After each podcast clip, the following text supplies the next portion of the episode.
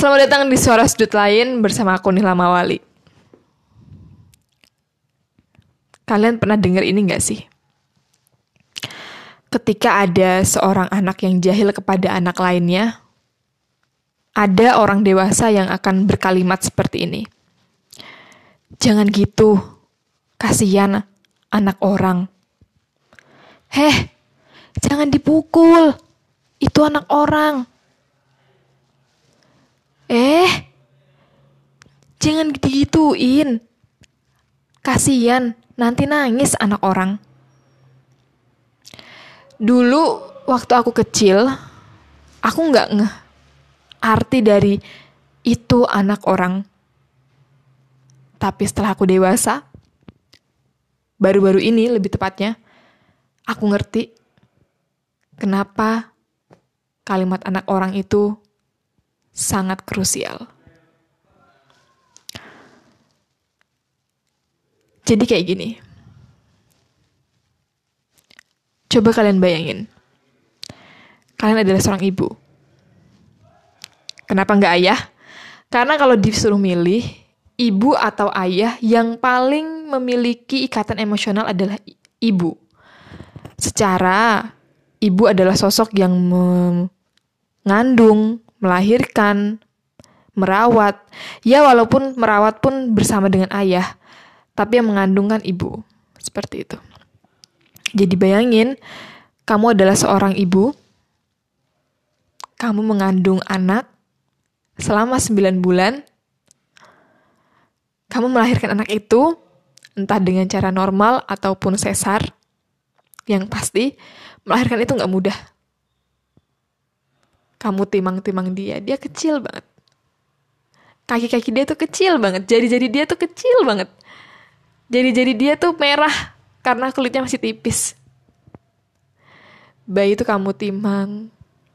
Kemudian lama-kelamaan dia bisa bersuara, kelama-lamaan dia bisa menyebut mama, papa. Kemudian-kemudian dia bisa tengkurap, merangkak, berjalan, berdiri dulu, berjalan. Kemudian gak kerasa anak itu bisa akhirnya masuk sekolah. Kamu masukin dia ke TK. Kamu sisirin rambutnya. Kamu pakai jilbab. Lama, kelamaan gak kerasa dia udah masuk SD. Dia udah bisa bercerita dengan runtut, dia udah bisa membaca menulis. Gak kerasa dia masuk SMP. Gak kerasa dia masuk SMA. Bayangin aja dulu. Bayangin kamu punya anak dan kamu membesarkannya dengan penuh kasih sayang. Tapi suatu hari anakmu datang dengan keadaan bersedih. Kamu gak tahu alasannya. Karena anakmu udah besar, anakmu sudah dewasa, dia tidak mau bercerita. Sampai kamu tahu kalau anakmu itu dibully di sekolah. Betapa hancurnya hati kamu.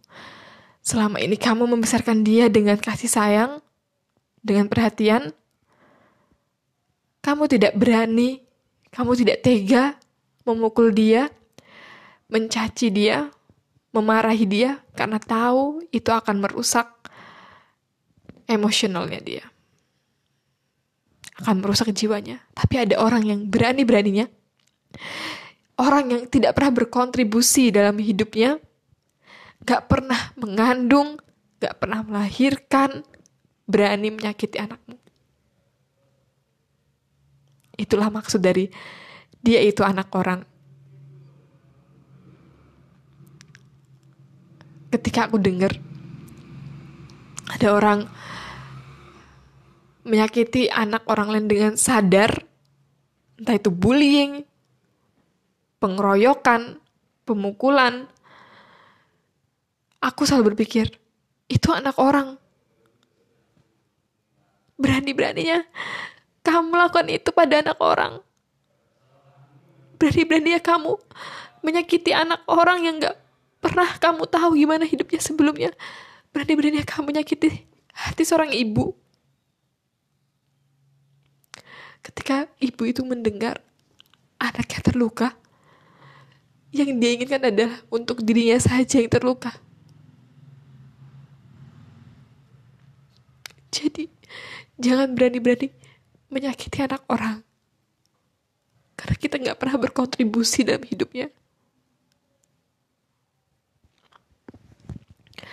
Itulah kenapa aku benci banget sama bullying. Karena bullying adalah tindakan yang tidak beralasan.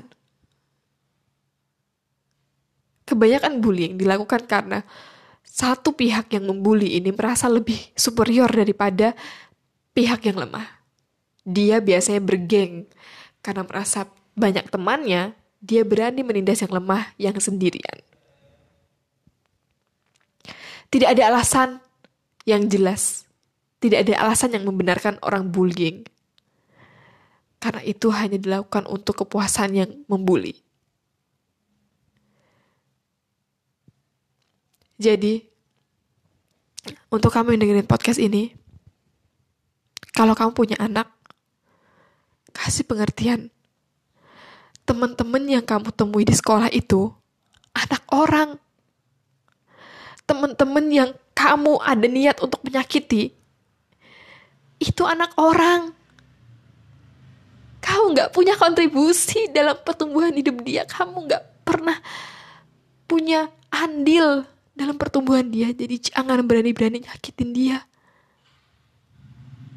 Karena apa yang kamu lakuin, itu dampaknya besar.